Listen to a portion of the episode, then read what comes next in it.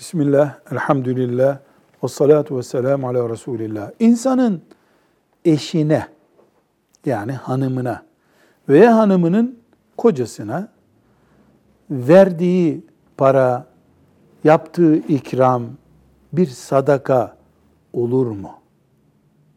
Ya da ailece oturduk da bir kilo kaliteli bir meyve getirip ikram ettim hanımıma, çocuklarıma sadaka olur mu? Cevap. İsrafa kaçmadıkça, riyakarlık olmadıkça, bunu başka bir iş yaptırmak için hile olarak yaptırmadığı sürece insan, yani lüks bir hediye alıyorsun, başka bir kağıda imza attıracaksın mesela gibi misal olsun. Hile için olmayan, riya için olmayan, israf sonucu oluşturmayan herhangi bir harcama ailede ister hanıma yapılsın, ister çocuklara yapılsın sadakadır Allah'ın izniyle. Ne demek sadakadır? Ramazan-ı Şerif'te fitre verirken nasıl melekler sevap yazıyorlar? Böyle bir harcamayı da evde sevap olarak yazıyorlar demektir. Velhamdülillahi Rabbil Alemin.